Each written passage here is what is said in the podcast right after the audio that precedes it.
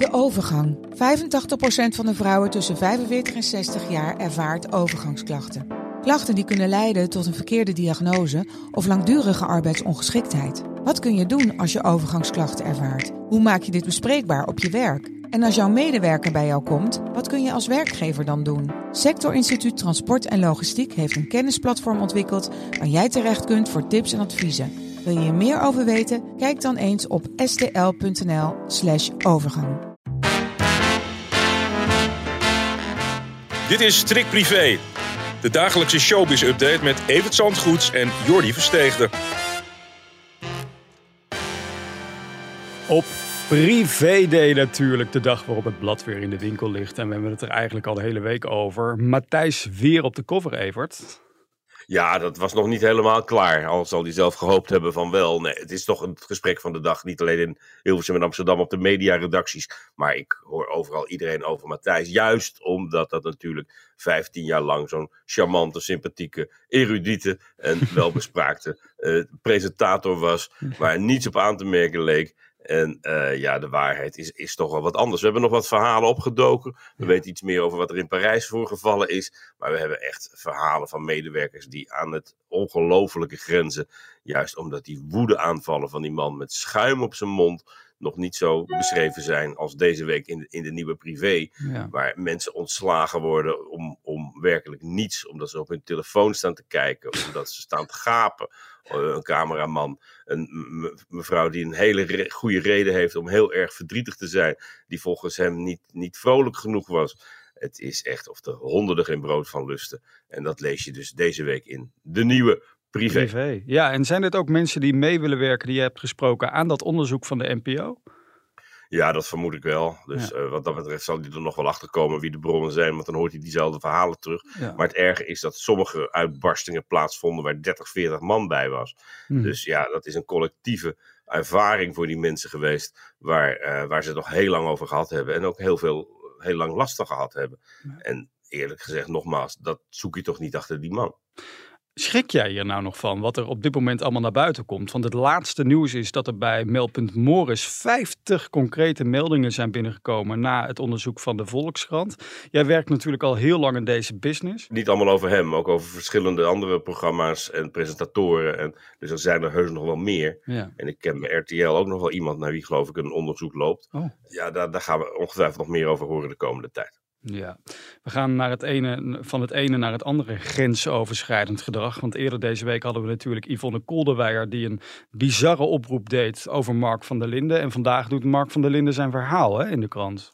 Ja, een, een, aandoenlijk verhaal, omdat hij gewoon uh, echt thuis getroffen is door die, dat herseninfarct. Daar uh, hulpeloos op de grond terecht kwam daar drie uur gelegen heeft. In de hoop dat iemand erachter zou komen dat er wat mis moest zijn. Want ja, hij kon niemand bereiken, kon niet bij zijn telefoon, helemaal niks. Hij lag daar maar. En gelukkig was het zijn vader die dacht van, er moet wat zijn, want we zouden bellen rond een bepaalde tijd. En ik hoor niks. Die is toen uit Brabant met de sleutel van zijn huis naar Amsterdam gescheurd. En uh, vond uh, Mark daar op de grond liggend, naar eigen zeggen biddend, Ave Maria, vol van genade. En dat heeft geholpen in het geval van Mark. Had het niet achter hem gezocht. Ja, zegt hij, ik ben een katholiek jongetje en dat komt dan ineens weer boven. en eenmaal in het ziekenhuis is wel duidelijk geworden dat daar meer schade mee voorkomen is. Dus echte uitvalsverschijnselen had hij niet. Hij heeft een, uh, een herseninfarct gehad, wat er wel voor zorgt dat hij opnieuw moet leren praten, of beter moet leren praten met logopedie, en moet leren lopen, dus hij gaat revalideren. al met al gaat het dan een tijd duren, maar wat die artsen eerder zeiden, het gaat goed komen, daar is iedereen wel van overtuigd. Nou, dan houden we ons daar maar aan vast.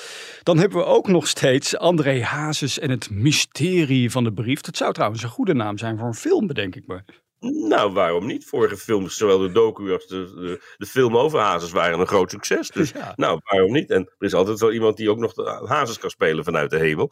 Uh, er is een, uh, uh, ja, een rel gaande tussen Yvonne Kolderweijer en Rachel Hazes. Twee mensen waarvan je zou zeggen van nou, die, die zou goed met elkaar moeten kunnen vinden.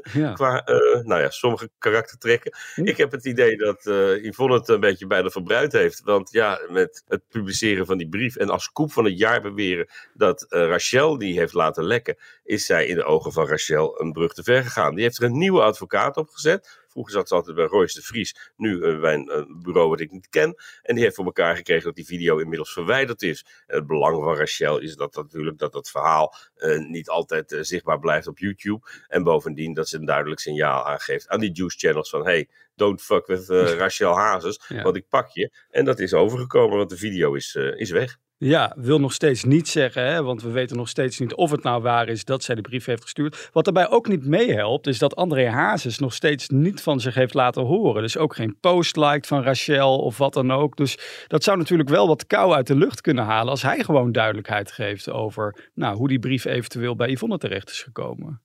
Ja, maar dat doet hij niet. En dat is, die stilte is misschien veelzeggend. Maar ja, uh, we weten er eigenlijk heel weinig van. Behalve dat het eruit ziet dat uh, uh, André en Monique voor het derde jaar op rij gewoon samen kerst gaan vieren weer. Zoals ieder jaar. Ja, ze kunnen het hele jaar uit elkaar zijn, maar met, tegen de kerst, dan zijn ze weer samen. En, en soms wordt ze dan nog ten huwelijk gevraagd ook.